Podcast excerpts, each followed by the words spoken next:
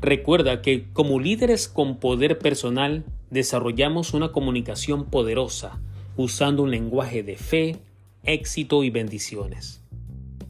Aquí la segunda parte de los decretos de líderes. Número 1.